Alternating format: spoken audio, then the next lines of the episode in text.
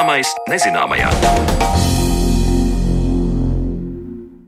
Esiet sveicināti, skanēt sākā raidījuma zināmais nezināmajā, un ar jums kopā esmu es Sandra Kropa. Šodien raidījumā mēs pievēršamies tehnoloģijām, kuras radīts ārkārtas apstākļos Covid pandēmijā, bet varētu būt noderīgs daudz plašākā jomā. Īpaša ierīce elpošanas monitorēšanai būtu bijusi ļoti noderīga pandēmijas vissmagākajos posmos, kad tik daudzi pacienti cīnījās ar skābekļa badu. Taču šie risinājumi top un var tikt izmantoti nu jau arī citu slimību novēršanā. Par to, kā inženieri kopā ar ārstiem ārstiem sadarbojas dažādu medicīnas risinājumu izstrādē, runāsim jau pavisam drīz, bet pirms tam mūsu arhīvs stāsts par to, kāpēc ar vienu nepieciešami asins donori.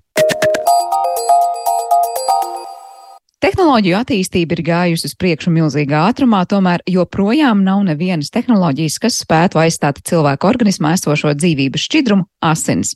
Lai gan ir skaidri zināmas asins sastāvdaļas, visi līdzinējie mēģinājumi radīt mākslīgas asins ir bijuši neveiksmīgi. Kas rada būtiskāko izaicinājumu mākslīgu asiņu izveidē un vai to radīšana kaut kā palīdzētu, vairāk Marionas Baltkalnas veidotajā stāstā.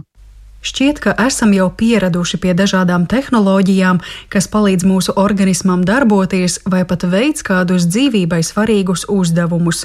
Bet līdz šim medicīnā tā arī nekad nav izmantotas mākslīgas asinis. Kāpēc tas ir sarežģīti? To noskaidroju sarunā ar ārsti un valsts asins donoru centra direktori Egitu Poli. Vispirms jautāju, vai vēsturē ir zināmi mēģinājumi izveidot mākslīgas asinis. Jā, nu, protams, ka ir mēģināts. Ir mēģināts darīt, un tādi pirmie mēģinājumi jau nu, ir skatāmi 50. gados.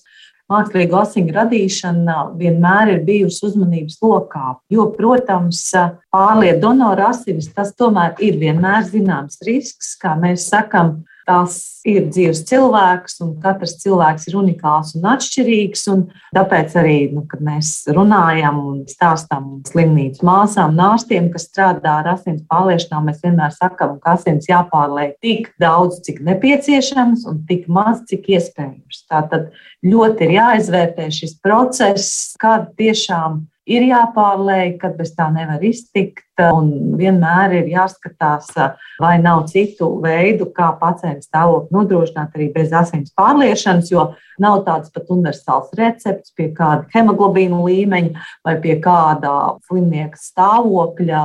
Tiešām obligāti būtu šī asins pārliešana jāveic. Tā kā, protams, process ir riskants, lai kā mēs necenstos ar katru gadu arī Latvijā un, protams, visā pasaulē uzlabot tehnoloģijas. Protams, risks ir. Saistībā ar to arī vienmēr ir bijusi interese par mākslīgajām asinīm, un ir arī šis process mēģināts iet tālāk. Bet, nu, mākslīgās asinis līdz šim tomēr nav radītas, un lai arī dažādi pētījumi runā par tādām cerībām vai cerīgām, varbūt tādām indikācijām, bet nu, nekas tādā tuvākā pārskatāmā nākotnē tomēr attiecībā uz mākslīgajām asinīm neiezīmējas. Lai labāk saprastu, kāpēc mākslīgās asinis līdz šim nav bijis iespējams radīt, jāatminas, kas tad ir asins sastāvā. Asinis veido šķidrā daļa, jeb plazma un asins ķermenīši, un tie ir trīs veidu. Sarkanie asins ķermenīši, jeb eritrocīti, cilvēka organismā pārnēsā skābekli un barības vielas, un tieši eritrocīti nosaka, ka mūsu asinis ir sarkanā krāsā.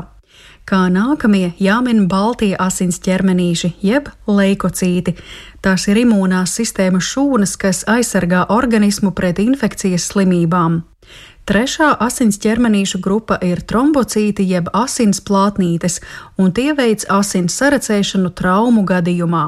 Stāstu par asins sastāvdaļām turpina Egita Pole asins ziedošanas procesā, kad donors nodevis asinis, viņas sadalām komponentos. Pamatā tie ir tātad trīs - plazma, trombocīti, masa un eritrocīti. Un tad katru var izmantot un variēt pēc tā, kas nu pacientam klīniski vai pēc viņa veselības stāvokļa vairāk nepieciešams. Pamatlieta, protams, ir šī eritrocīta masa, kas tiek izmantot visvairāk.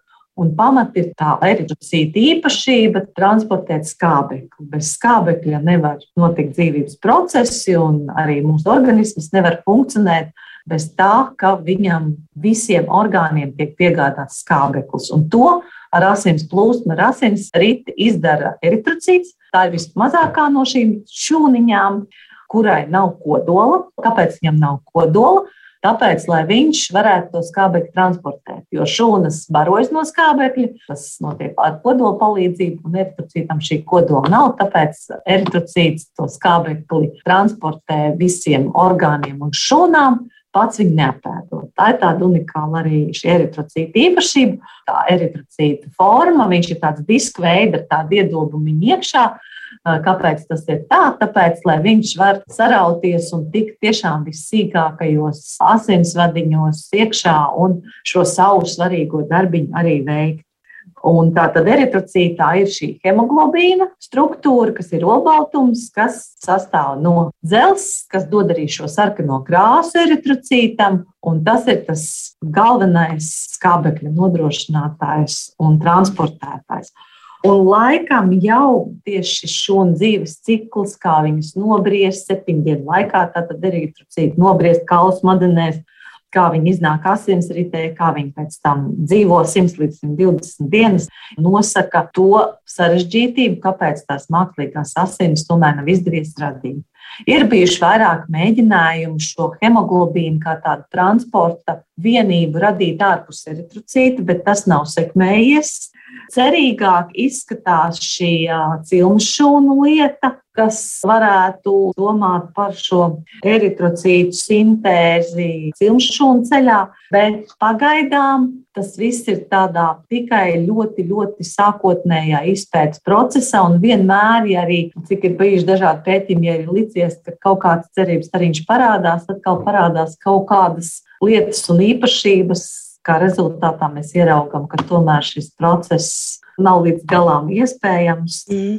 Tad es saprotu, tas galvenais atslēgas vārds ir eritrocīts. Eritrocīta kā asins ķermenīša struktūra, kādas funkcijas tas veids. Tie ir tie galvenie stūrakmeņi, kas rada galvas sāpes zinātniekiem, ja kāpēc mēs nekur tālāk netiekam. Būtībā tā eritrocīta, ja mēs runājam par šūnu bioloģiju, kāds ir viņu dzīves cikls un kā viņi strādā un kā viņi tiešām unikāli šo skābekli arī visiem orgāniem nogādā. Un runās vēl par to, ka tie ir miljardi šūnu un acīm redzot, nav tik vienkārši radīt alternatīvu miljardu, kas varētu savu funkciju veikt. Nevienmēr ir tik viegli iejaukties, un šis laikam ir šis gadījums.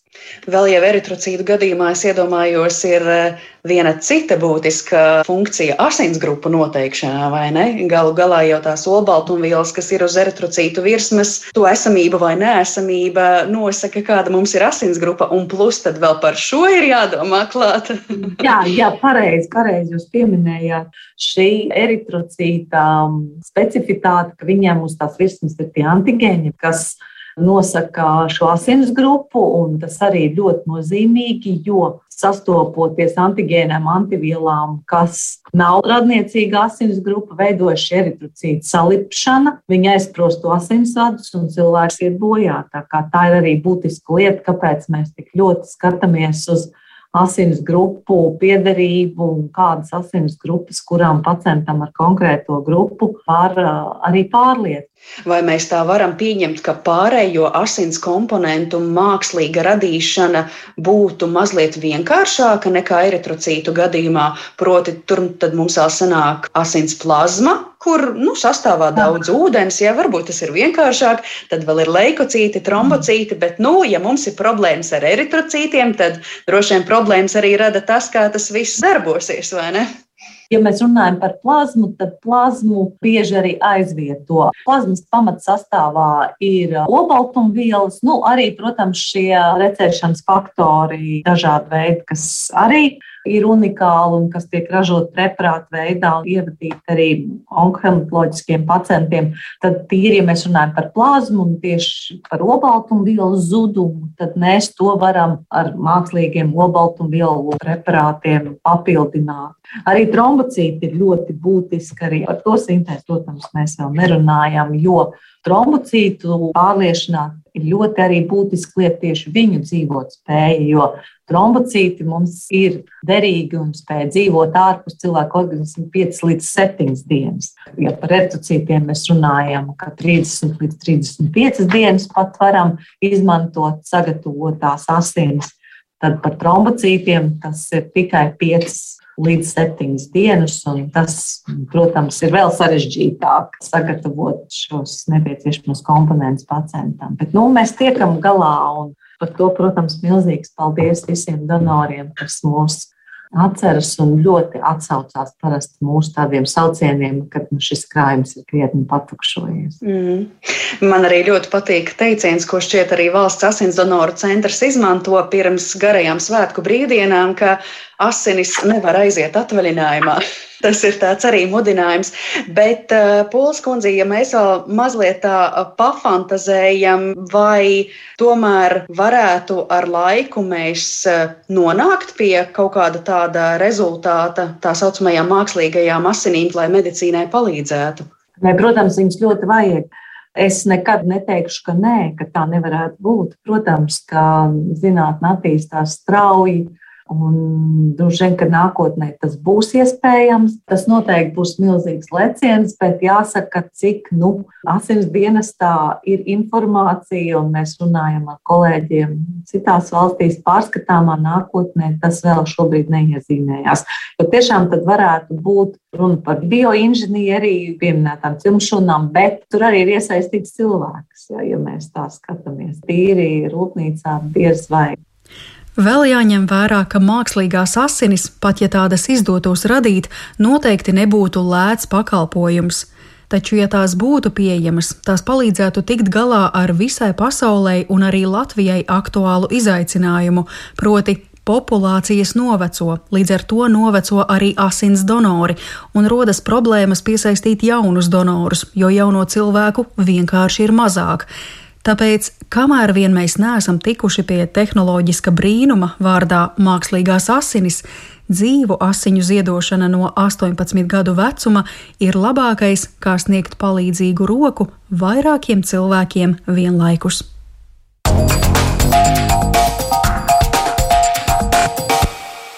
Dzirdējām stāstu par asins donorēšanu no mūsu arhīvu krājumiem, bet turpmākās minūtes veltam tehnoloģijām, kuras radītas elpceļu slimību ārstēšanai.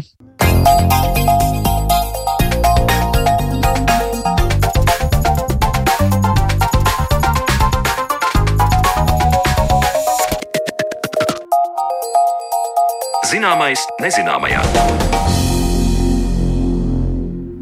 Šodien mēs raidījumā jau minēju, pievēršamies tehnoloģijām, kuras ir radītas ārkārtas apstākļos Covid pandēmijas laikā, bet varētu būt noderīgas daudz plašākā jomā. Stāsts ir par kādu īpašu ierīci elpošanas monitorēšanai, par to, kas tā par ierīci un kam tā varētu būt pielietojama un kā tas viss varētu izskatīties. Mēs runāsim atlikušajā raidījuma pusstundā, kad mēs mūsu attālinātajā studijā šoreiz uz eh, tikšanos esam aicinājuši Rīgas Tehniskās Universitātes inženierzinātņu doktoru un vadošo pētnieku Dmitru. Dmitriju Blizņuku. Labdien! Labdien! Miega slimību centra un arī SIA hipnos vadītāju Ārtis Važu. Sveicināti! Sveiki! Kā arī ārstu endokrinologu Pauls Stradiņa Kliniskās universitātes slimnīcā Jātoslavu Kīstkinu. Labdien! Labdien! Ja es pareizi saprotu, tad jūs visi esat iesaistīti tādā kopīgā mērķa realizēšanā, proti, radīt īpašu ierīci, kas varētu pateikt, nu, cik cilvēkam tā elpošana, var teikt, ir, ir, ir laba vai slikta, un vai ir kāds pamats bažām. Tas viss izklausās ļoti, ļoti vienkāršot un varbūt pat nesaprotam. Tāpēc es lūkšu jūs izstāstīt, kas tā par ierīci, pie kuras jūs sākāt strādāt, un saprotu, ka tas attīstības soļi tālāk ir spērti gana lieli, un jau ir ļoti daudz interesanti par ko runāt. Es nezinu, ar kuru no jums es sākšu, un droši vien, ka es Dmitrijam došu vārdu, varbūt no tās inženieru tehniskās puses vispirms, kas tā par ierīci un kāda tā izskatās. Jā, nu, tā kā tas ir medicīnas projekts, mēs uzsākām, un tas virzošais bija tieši Paula Stradiņa universitāte, jo mēs arī iepazināmies pirmā projekta ietvaros ar viņiem. Tā kā ar to medicīnu un elpošanu es tikai tajā momentā saku, uzzināt kaut ko jaunu. Bet, tad, tad, kā jūs arī teicat, šajā projekta bāzē mēs izdomājām, ka mēs varētu izveidot tiešām tādu jaunu iekārtu, kas veiktu uh, nu, tā, tādu pašu, pašu svarīgāku tieši pamat elpošanas parametru uh, novērošana.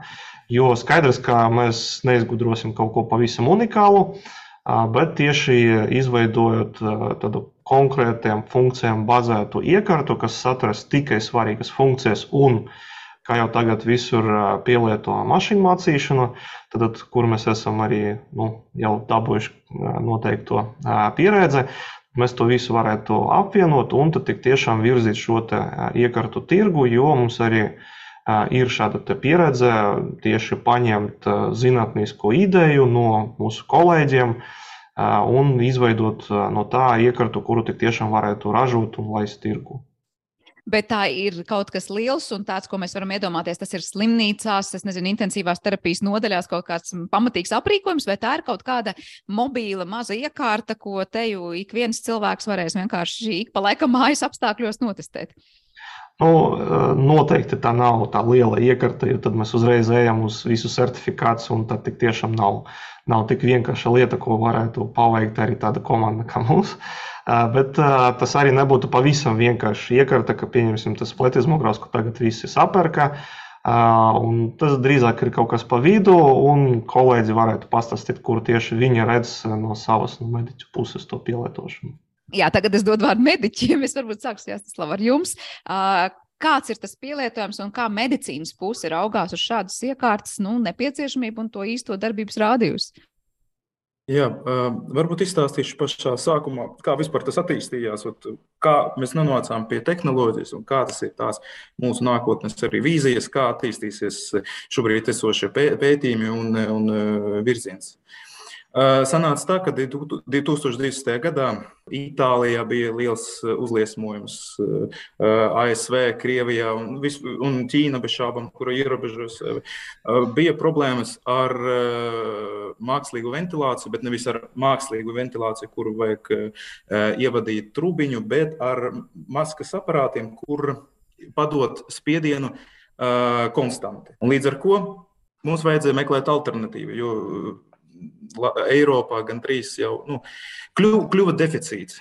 Mēs sākām pētīt, mēs pamanījām, ka ir iekārtas, kuras varētu aizstāvēt uh, smagas iekārtas, un, uh, bet viņiem nebija vajadzīga adaptera, nebija nepieciešama papildu funkciju. Mēs sākām to aktīvi pētīt un izveidojām iekārtu, kura manuāli spēja pievadīt skābekli tur, kur nu, tādas opcijas neeksistēja iepriekš. Ja mēs varējām uzstādīt precīzu skābekļa plūsmu ja, ar procentiem. Bet eh, ejot un attīstoties projektam tālāk, tālāk un tālāk, mēs sapratām, ka mums ir nepieciešams divas funkcijas. Pirmā, eh, mums vajag saprast, kas būs ar pacientu dinamikā uz tādas terapijas, un kā tad izdarīt tā, lai terapija būtu automatizēta, tā, lai samazinātu slodzi uz ārstiem. Jo toreiz es pats biju eh, Covid eh, nodaļā, es biju intensīvā terapijā, arī nodaļā bija arī eh, palātas, kas veltīts bija arī intensīvu pacientu ārstēšanai. Un toreiz mēs pamanījām, ka nu, vienkārši spēka nebija to darīt. Un no tā arī parādījās vēlme automatizēt to visu. Bet realitāte automatizēt var to tikai tad, kad sākumā tev ir diagnostika un pēc tam atbilstoša terapija. Un uz doto brīdi visu, ko mēs darām, mēs mēģinām automatizēt diagnostiku, lai no tā pēc tam varētu iziet uh, automātiskā terapija. Ja drīkst precizēt, tad tā diagnostika vairāk ir gadījumos, mēs runājam jau par pacientiem, kas ir intensīvās terapijas nodaļā, proti, cilvēkiem, kuriem ir smags stāvoklis. Jums ir jāsaprot, kāda ir tā viņa šī brīža izelpa vai elpošana, lai saprastu, cik daudz to skābekli pievadīt un kā, vai es pareizi sapratu. Jā, doma ir tāda, ka uh, mēs mēģinām stabilizēt pacientu, bet lai redzētu dinamiku, cik viņš progresē. Vai progresē uz uh, pareizo pusi vai uz sliktāku pusi. Un uh, ir virkne ar parametriem. Mēs nevaram vienkārši iedot daudz skābekļa un domāt, ka viss būs kārtībā. Tur ir jābūt noteiktai devai. Jo vairāk mēs dodam, jo lielāka ir iespēja, ka cilvēks mazāk elpos, un no tā tas, kas tam, kas, kam vajadzētu izdalīties no organisma, neizdalīsies. Ja? Un viss paliks organismā. Viņam vajadzētu, lai būtu nu, ļoti strikti definēts tas līmenis. Ja?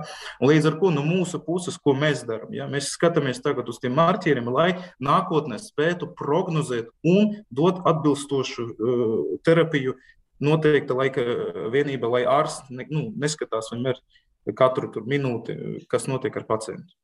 Tad var teikt, tas lielākais iegūms šobrīd ir gan aizstāt to ārsta darbu tajā brīdī klāt, kas katru minūti seko līdzi, gan arī daudz precīzāk eh, pievadīt to skābekli un var teikt, cilvēkam nekad ne, nebūs par daudz tā, kas nebūtu jābūt tajā brīdī. Tieši tā, tieši tā. Bet, kā, kā jau teicu, tas ir pētījums, ja? tas ir pētījuma fāzes.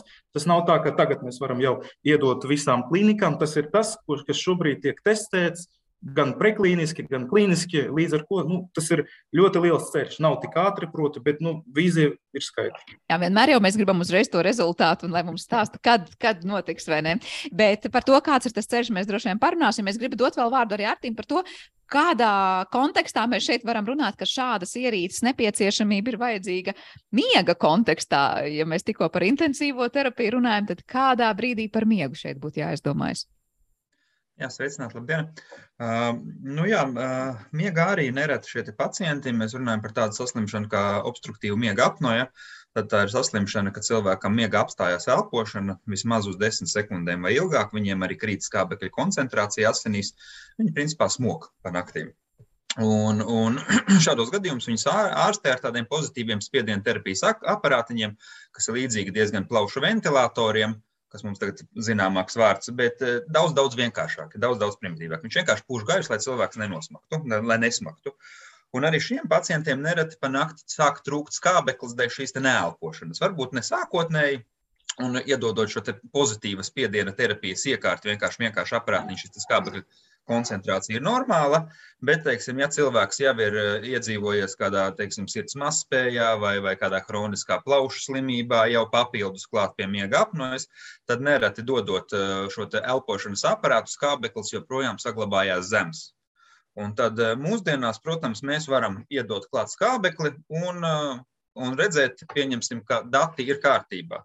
Bet ir lietas, ko mēs nevaram teiksim, nomērīt. Ir teiksim, teiksim, CO2 izelpā vai cilvēkam neuzkrājās CO2 gāzes organismā vai ne. Un tas varētu liecināt par to, ka varbūt skābekli nedrīkst dot tik daudz, vai ir nepieciešami citi elpošanas parametri. Un šobrīd to visu dara manuāli. Tas viss ir izdarāms, bet to visu dara manuāli. Tātad miega tehniķis par nakti viņš sēž, viņš visu pieraksta, viņš seko līdzi, viņš manuāli tātad maina skābekļa plūsmu, kas ir nepieciešama, vai manuāli maina parametrus. Un tad tas mūsu mērķis būtu ideja nākotnē izstrādāt ierīci, kas var pieņemt šos lēmumus. Tātad viņi redz, ka ir nepieciešams cilvēkam skābeklis, viņi padod viņam skābekli.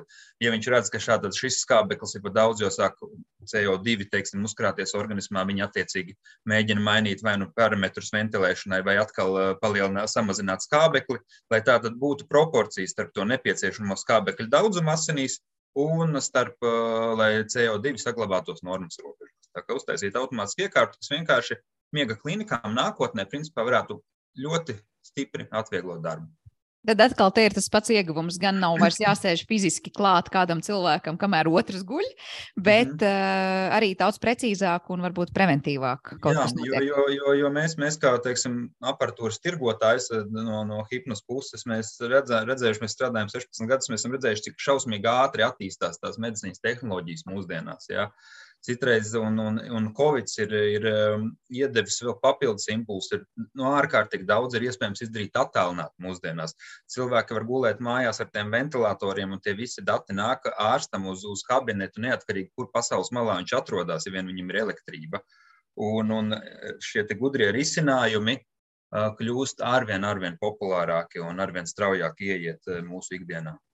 Bet šajā gadījumā mēs vienalga runājam par to, ka nu, tajā gala versijā tā ierīce pati pieņems lēmumus, cik daudz tur tagad skābekli padot vai nepadot, vai tomēr tie būs attālināti sūtīti dati, kā tikko minējāt, ārstam kaut kur, kas varbūt mājās sēdēs un dežūrēs, jā, kas arī būs krietni patīkamāk. Iekārta, iekārta pieņem visus, visus lēmumus pati, un nākošajā dienā atnāk, teiksim, atskaite un, un slēdziens, teiksim, kas te šajā naktī ir noticis, un ārsts atkal pieņem lēmumu ir mums nepieciešams kaut ko pamainīt vēl papildus, vai nav nepieciešams. Runājot par tiem riskiem, gan miega, varbūt eh, šīs apnojas kontekstā, un arī medicīniski droši vien te būtu daudzas versijas, kur mēs varam runāt, kur šādas ierīces tiktu lietotas. Kur ir tie gadījumi, kur varbūt būtu jāuzmanās, nu kādus lēmumus tā ierīce varētu kādreiz pieņemt? Vai jūs saredzat, ka ir kaut kādas situācijas, kas laikus ir jāapmāca šiem, es nezinu, algoritmiem vai kam? Proti, nu, lai, lai ne, neveidotos kaut kādas pārpratuma situācijas, kur varbūt cilvēks to lēmumu pieņemtu citādāk. Uh, ar miegu turpinām sarunu. Ir kaut kādas situācijas, par kurām ir īpašas bažas. Um, nu, vienmēr jau, kad, kad mēs uzticam kaut ko iekārtai, mums nu, ir jābūt drošiem, ka iekārta pieņems, pieņems pareizos lēmumus. Tāpēc mēs veicam šo pētījumu, tāpēc mēs šobrīd atlasām cilvēkus, lai, lai, lai ievāktu maksimāli daudz datus, lai, lai pēc tam inženieri un, un mediķi varētu kopā izvērtēt šos datus un apmācīt to iekārtu pēc iespējas, pēc iespējas labāk. Ja mēs runājam miega medicīnas kontekstā, kas ir teiksim, nu, ambulatora vai, vai teiksim, tādi, šie cilvēki vēl ir salīdzinoši veseli, tad mums tie riski nav tik augsti, jo mums vēl tas cilvēks ir nu, salīdzinoši stiprs, teiksim tā, vai ne? Un, un tad mēs varam uzticēties tai aparatūrai. Rezultāts var būt mazliet labāks, vai mazliet sliktāks, vai mazliet lēnāks, vai mazliet ātrāks. Bet tas nav tik kritiski tam pašam cilvēkam. Kaut arī tur vienalga ir medicīnas personāls vienmēr pa nakti klāt, vai ne? Ja nu kas. Bet, bet nu, attiecīgi jau slimnīcās un intensīvajās terapijās tas ir daudz kritiskāk, jo tur jau tas cilvēks ir vājāks, vai ne? Nu, fiziski un garīgi. Un, Mm -hmm. Jā, tas lau jums droši vien ir ko piemils, piebilst par to, nu, kurās situācijās būtu laikus jāparedz kaut kādas varbūt problēmas, kur tā vienkārši sistēma varētu kļūdīties un varbūt kaut ko nepareizi izdarīt. Tas pats arī kā ar uh, Teslas mašīnu. Ja, kad runa ir par mākslīgu intelektu un kad runa ir par automatizāciju, vienmēr ir savi riski. Ja, līdz ar to mēs nekādīgi negribam izveidot uh, sākumā nu, tehnoloģisku risinājumu bez klīniskās validācijas kopā ar klinicistiem, veicot to piesardzīgi, skatoties, monitorējot, sadarbojoties sākumā ar ārstiem, lai ārsti redz un seko līdzi. Tas nav tā, ka nu, mēs atstāsim cilvēku un viss. Nu, Tā arī Tesla nestrādā. Nu, nedos cilvēkam mašīnu, ja viņa nav pārbaudīta 300 reizes. Un bez šaubām, no mūsu skatu punkta, nu, ir lietas, bet lietas vienmēr saistītas ar jebkuru tehnoloģisko kļūdu. Kad runa ir vispār par iekārtām, iekārtām mēs būtu vis visādas problēmas. Un viņas var atslēgties, viņas var uh, izmainīties, piemēram, spiediens uh, maģistrālē. Skāpekļa spiediens maģistrālē, no tā mainās procentuālais sadalījums. Ja. Viss visādas lietas var notikt neatkarīgi no tā. Ja. Mūsu mērķis ir tieši pielāgoties vairāk, vairākām tām problēmām un spēt pielāgoties atbilstoši tam pacientam, lai būtu risinājums automatizēts un vērsts uz prevenciju, kā jūs ļoti labi pieminējat, ja, lai preventīvi nekaitētu, kas ir viens no etikas principiem. Ja. Un otrs puses, lai pieņemtu lēmumu, kas palīdz. Līdz ar to, nu, Mēs, ja mēs skatāmies uz to kā uz eh, terminātoru eh, vīziju, tad jā, tas ir slikti. Bet, nu, ja mēs skatāmies uz to kā, kā Tesla piemēru, ja, kur mākslīgais intelekts palīdz, nu, tas ir mūsu mērķis. Jā, bet kā jūs arī minējāt, ja kamēr Tesla nebrauc reālajās ielās un reālajā situācijā, nu tad arī ir bijuši ļoti nesmugi gadījumi, beig beigās kā tas izvēršas. Un te ir tas jautājums vienmēr par to, vai, vai visu var paredzēt un visu var iemācīt maksimāli daudz šai konkrētai sistēmai. Dmitrijam, tāpēc jautājums varbūt, kā šobrīd notiek tā nu, apmācīšana, vai, vai, vai kas ir stāstāms par to, nu, kā šī konkrētā ierīce tagad zinās, kā ko analizēt un kādus lēmumus pieņemt. Nu, pats galvenais te, te varētu arī papildināt to iepriekš minēto, kā mēs tagad neejam uz to bīstamo pusi. Pieņemsim, šajā gadījumā bīstamākā puse būtu tā iekrata, kas puš gaisu iekšā plaušās, jo skaidrs, ka tur diezgan maza robeža, ka cilvēkam var tiešām kaitēt. Un mēs arī nemēģinām veidot vēl vienu iekārtu, mēs to atstājam certificētu, tad viņa nodarbojas ar savu gaisu pušanu mēs nodarbojamies tikai ar skābekļa pievadīšanu. Un vēlreiz tas skābekļa sistēma, mēs šī projekta ietvaros gribam pierādīt, ka to varētu darīt arī automātiski, bet tas nebūtu projekta galvenais mērķis. Projekta galvenais mērķis būtu tieši apmācīt, lai atvieglotu tieši diagnostisko darbu. Tad, kad mēs redzam, nu, vismaz tādas ļoti izteiktas uh, situācijas, kuras nevar aprakstīt, kā vienkārši viens parametrs ir augstāks par kaut kādu robežu, viņš ir nedaudz sarežģītāks, priekš eksperta tas ir viegli pamanāms, un tagad uzdevums tieši apmācīt sistēmu, lai viņa pamana šādas funkcijas. Un, nu, jā, šeit skaidrs, ka vienmēr var, var tiekties pie tā labākā, bet nu, arī ārstiem, vairākiem ārstiem ir dažādi viedokļi. Līdz ar to nu, nekad nevar izveidot ideālu, jo tāda ideāla nemaz arī nav. Bet mēs saprotam, šobrīd mēs runājam par tādu mākslīgā intelekta jau risinājumu un ieviešanu dzīvē, vai ne? Uh, šajā brīdī vai tie dati, kuri tiek iedoti, nu, tad, lai apmācītu to kaut vai diagnostikas pusi, tie ir reāli pacienti, reāli gadījumi, tas ir kaut kādas simulācijas, kā tas notiek? Jā, jā. Nu, protams, mēs sākotnēji testējam vienkārši uz sevi, ka, ka principā sistēma spēj to atpazīt, sistēma spēj nolasīt, bet tieši šīs projekta ietvaros ir, būs savākta pacientu datu kopa, kas nav pārāk nu, teiksim, slima, tad viņi ir, būs ar noteiktiem izslēgšanas kritērijiem, ka tas būs noteikta tipa pacienti, lai mēs nemēģinātu apmācīt tagad absolūti universālu sistēmu. Tad tie būs reāli pacienti ar, ar zināmām potenciālām problēmām. Un tad mēs tiešām skatīsim, redzēsim, kurā momentā viss ir kārtībā, kurā momentā ir problēmas. Protams, daži pacienti viņi darba laikā būs redzams, ka viņi vienkārši nedara mums. Nu, jā, tad šie dati būs izmantoti tālāk pētījumā. Tad ceļš vēl gana tāls un, un ilgs izklausās ejams. Nu, kā jau jebkurš pētījums. Bet citiem šobrīd kaut kādās citās valstīs, citās zinātnieku grupās ir kaut ko izdevies līdzīgu pierādīt vai izdarīt, vai jūs esat šādā ziņā, nu, tā kā celmlauži? Nu, protams, nekad nevar būt pirmā, tīpaši tekošajā pasaulē, bet, protams, rakstot projektu, mēs, mēs apskatījām tekošu literatūru. Nu, un, jā, tik tiešām absolūti tāda paša, protams, nebija. Bet nu, kaut kas līdzīgs mašīnu mācīšanas sistēmas diagnostikas skaidrs, ka tas eksistē un eksistē jau samērā sen. Bet nu, tieši šāda kombinācija nu, mēs vismaz nevarējām atrast šādus rakstus. Es varbūt drusku piekomentēšu no savas puses. Mums, mums ir tā, ka mēs ejam paralēli ar šobrīd esošo literatūru. Šobrīd esošā literatūra parāda div, divus virzienus. Viens virziens ir uh, vienkāršs skābeklis, kas tiek padots kroniskiem pacientiem. Un jau ir arī iekartas, kas jau ir certificētas, un viņas padod vienkārši skābekli līdz 15 litriem minūte, bet kopumā turpat arī mazāk tas, tas, tā, tas nu, apjoms. Ir arī opcijas, kad viņus pieslēdz eh, augstās plūsmas eh, nazālām kanīlēm, ja, kuras mēs aktīvi nu, pielietojam Covid laikā. Eh, līdz ar to ir virzieni, kurus pašlaik strauji attīsta. Savukārt, kad runa ir par intensīvu terapiju, kur automatizācija ir viens no pamat, pamatlietām, un tas miega virziens, arī miega apnojas virziens. Un tas ne tikai miega apnojas virziens, tas ir virziens, kur tiek izmantota neinvazīva ventilācija pacientiem ne tikai ar miega traucējumiem, jā, bet arī, arī nu, jā, mums sanāks arī uz hronisku obstruktīvu plaušu slimību vērst to visu. Līdz ar to savu nišu mēs atradām, un mēs zinām, ka šobrīd šis ceļš ir atvērts pētījumiem un atvērts tehnoloģijām. Jā, droši vien par miegu arī vēl tūdaļ vēl sīkāk parunāsim, bet kā jūs iezīmētu, nu, kuras būtu tās primārās jomas, jo mēs daudz runājam tiešām Covid kontekstā par šīm elpošanas iekārtām un problēmām. Cik daudz ir tās slimības un problēmas, ar kurām cilvēki patiesībā saskaras, ka viņi nonāk līdz situācijai, ka tāda iekārta būtu vajadzīga? Protams, tas ir pneimonijas, tās var būt smagas sirds kaitas laikā, piemēram, sirds mazspējas laikā.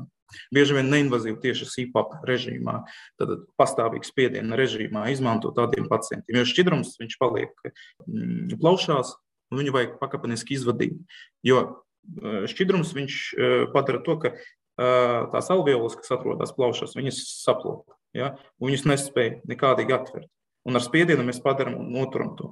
Un tur vajag speciāli arī skābekļa apjomu, lai viņš difundē caur alveolām, caur tam, tiem maisiņiem iekšā. Līdz ar to šeit uz doto brīdi virziens ir nu, skaidri definēts. Tas ir proti, ka pneimonijas, tas ir sirds mazspējas uh, dekompensācijas. Ja, Un, protams, arī virziens, kas ir arī nu, tāds uh, tuvu tam mājas apstākļiem, kur ir tāda, nu, diezgan maz, uh, smagi tie pacienti. Un varbūt tur Artis var drusku nu, pastāstīt par to virzienu. Jā, cik dažādi ir tie varbūt pacienti un tās problēmas, ar kurām sastopas, tad, kad mēs tieši par miega problēmām runājam un šiem elpošanas apstāšanās epizodēm. Jā, jā, mums jau Tad mums pārsvarā ir tad nu, droši vien ir, ir tie chroniskie gadījumi ir, un arī akūtie gadījumi. Jā, akūtie gadījumi droši vien tie vairāk nonāk slimnīcās, un, un tad ir chroniskie gadījumi, kas, kas nonāk arī lielā skaitā pie mums. Ja? Nu, mums tātad pārsvarā tas var būt vai nu tāda šī miega apnoja, nu, tas ir lielākais skaits, vai ne? Un otrs ir dažādas hroniskas plaušu problēmas. Ja? Tas hops saucamais, vai ne, kad viņiem tā elpošanas nepietiekamība. Tas ir otrs variants, kad nepieciešama šī neinvazīvā ventilēšana. Un tas, kas principā šobrīd tiek pētījuma ietvaros, tas pirmais darīts, ka jūs jautājāt, varbūt tās, nu, kā tā, tā mašīna mācīsies, vai ne, un kā mēs varam būt droši par to, tad um, šeit tas stāsts, ka šajā pirmajā etapā mēs jau darīsim visu tā, kā mēs darām uh, normālos apstākļos. Tad būs cilvēks, kurš tiek diagnosticēts, kuram tiek lasīti dažādi vitālo funkciju parametri, un, un CO2, un skābeklis, un asins gāzes tiek paņemts. Bet viss tiks darīts tā, kā tas šodien tiek notiks. Vienkārši tie dati visi tiks uzkrāti, un, un tad jau inženieri un ārsti kopā spēs veidot šo matemātisko modeli, lai tad iekārta nākotnē to var darīt pati. Tā kā šobrīd es pilnīgi droši mēs darām tā, kā mēs to darītu ja nebūtu šī iekārta. Vienkārši tas tiek papildus dati, tiek ņemti, papildus tiek informācija ievākta, lai mēs pēc tam varētu precīzāk kaut ko izdarīt. Uh, bet cik liels, es nezinu, proporcionāli varbūt ir tas skaits cilvēku Latvijā, kas patiesībā saskars ar dažādām šīm te jūsu minētajām arī problēmām, kaut arī šī miega apnoja vai šos plaušu jau hroniskās slimības, vai mēs te runājam tomēr par tādu ļoti ievērojumu sabiedrības daļu, kas iegūt no šīs ierīces, vai tā ir tāda salīdzinoši procentuāli, nu, maza daļa, kur skar šīs problēmas? Nu, tas droši vien atkal jautājums, nu, kas, kas ir daudz un kas ir maz, vai ne? Nu, ja mēs ņemam miega apnoju, tad ņemot vērā, ka tomēr sabiedrība noveco, sabiedrība kļūst apaļāka. Tad mūsdienu pētījumi rāda, ka teiksim, pieaugušo cilvēku populācijā miega, miega apnoja teiksim, līdz pat 20% populācijas, kas ir ārprātīgi liels skaits. Ja? Protams, lielākā daļa no viņiem ir vieglas formas, bet, bet ne, visi, ne visi ir jārastē. Tas ir galvenais saprast, nevajag biedēt nevienu, un ne visi jārastē, bet skaits ir liels. Ja?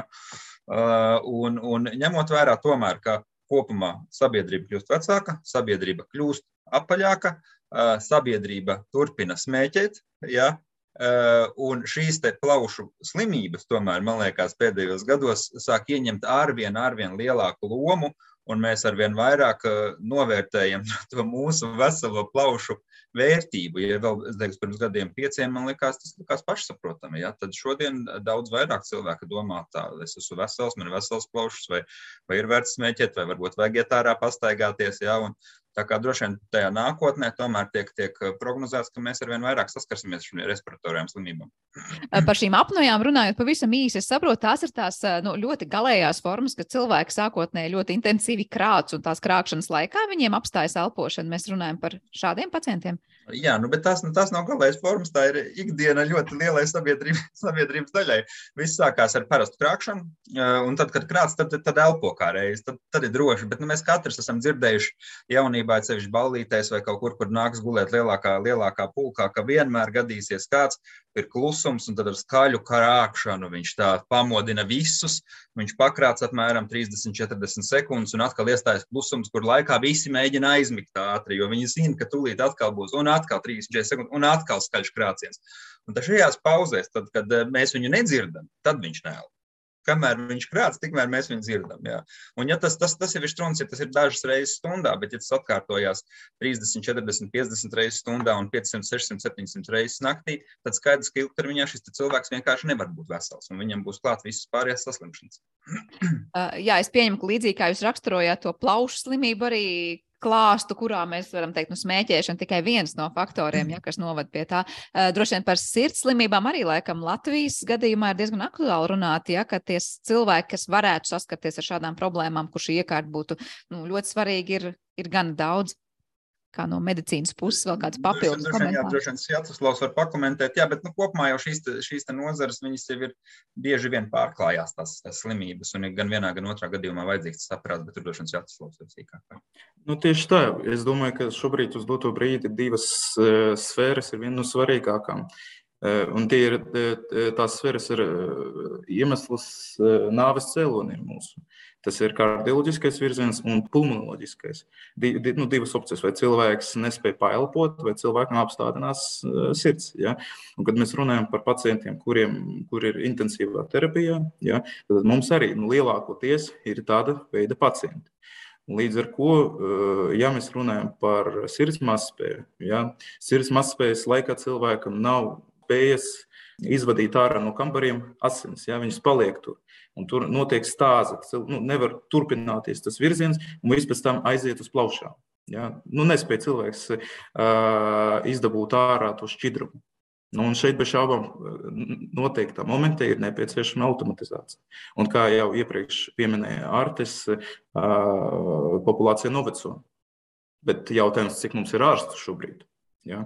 Un uz doto brīdi tas ir viens no svarīgākajiem jautājumiem. Jo, jo vairāk mēs spējam automatizēt iekartas, jo vairāk mēs spējam atslogot ārstu no uh, decision making, ja, no, no tad, uh, lēmumu pieņemšanas, lēmumu pieņemšanas, jā, lēmumu pieņemšanas, jo labāk tas būs sabiedrībai. Nu, tā, tā mēs uz to skatāmies. Un, ja jūs paskatīsieties statistiku, sirdsmā spēja ir ļoti uh, plaši nu, izplatīta uh, mūsu sabiedrībā. Tas ir simtpunkts. Jā, nu par to aktualitāti tēmas šaubu nav. Dmitrij, tad pamazām noslēdzot sarunu, man ir jautājums, kāda ir tā zinātniskā komanda, kas šobrīd nu, ļoti, no cik daudzām nozerēm sastrādājas kopā, lai šo visu monitorētu, diagnostiku mācītu šai sistēmai un vispār radītu pašu sistēmu, un, un cik tāls ceļš ir ejams, lai tiešām šādi iekārti jau būtu, tad miega kabinetos, intensīvās terapijas nodaļās un kur tik vēl nekur tā būs nepieciešama. Nu, sākot no pēdējā etapā, mēs vienmēr uh, ieduramies certifikācijā. Skaidrs, ka mēs vienmēr mēģinām, lai iekrata tomēr nedabūtu to augstākā riska klasi, kur, kur ceļš līdz certifikācijai var būt desmit gadi mierīgi. Līdz ar to tas ir atkarīgs no tā, kā mēs to uztveram. Bet, jā, komanda, protams, ir diezgan daudzveidīga. Un man pat ir kolēģi, kas atnāca no finanšu tirgus, un, manuprāt, ir diezgan interesants uh, virziens, kad cilvēks sākotnēji pētīja tādu tirgu, kuram ir noteikti noteikumi, ka viņš uzvedas pēc likumiem, bet skaidrs, ka tas ir dzīva būtne. Līdzīgi kā cilvēks nu, nekad nevar noprognozēt, kas tur būs. Līdz ar to tie paņēmieni, kas ir pielietoti tur, šeit arī diezgan labi noder. Kā, nu, protams, ka pamats ir tieši mācīšanas speciālisti, bet arī tā kā mēs veidojam reālo sistēmu Ir ļoti svarīgi arī piesaistīt inženierus, kas zina elektroniku, jo tomēr mēs veidojam iekārtu no pašiem sākumiem. Nu, tā kā tie dati nebūs kaut kur vienā punktā, bet mākonī, nu, skaidrs, ka ir cilvēki, kas pārzina to mākoņu sistēmu, pie tam šajā gadījumā tas ir diezgan specifiski, jo nu var iedomāties, cik daudz datu cilvēks viens cilvēks saražo pa naktī, ja mēs pierakstām, nu, burtiski pa sekundam parametru klāstu. Jā, darāmā tur tiešām ir daudz, un aizstāt ārsta konkrēti tajā brīdī klātbūtni, kas vai miega speciālisti, tad klātbūtni, kas pieņem lēmumus un monitoro tev, viss tas tiešām izklausās gan, gan vilinoši. Es ceru, ka izdosies visos turpmākajos jūsu posmos gan pētniecībā, gan testēšanā, gan pēc tam jau arī ieviešanā dzīvē. Un šis ir tiešām viens no tādiem lieliskajiem piemēriem, kas parāda, cik ļoti starpdisciplināra zinātne ir mūsdienās un cik ļoti dažādi risinājumi var pieteikt sevi arī laikā, kad ir krīzes, kuras patiesībā liek aizdomāties par to, nu, kādas tad sistēmas mums pavisam citās jomās vēl varētu būt nepieciešamas un darbināmas. Paldies jums par šo sarunu, un es atgādināšu klausītājiem, ka šajā pusstundā mēs bijām kopā Rīgas Tehniskās Universitātes inženierzinātņu doktoru un vadošo pētnieku Dmitriju Blizņuku, Miegas slimību centra, kā arī SIA hipnos vadītāju Ārtis Vāžu, kā arī ārstu endokrinologu Pauls Stradīna Kliniskajā universitātes slimnīcā Sjastaslavu Kistkinu. Ar to arī raidījums ir izskanējis. Paldies jums visiem par klausīšanos tikšanos!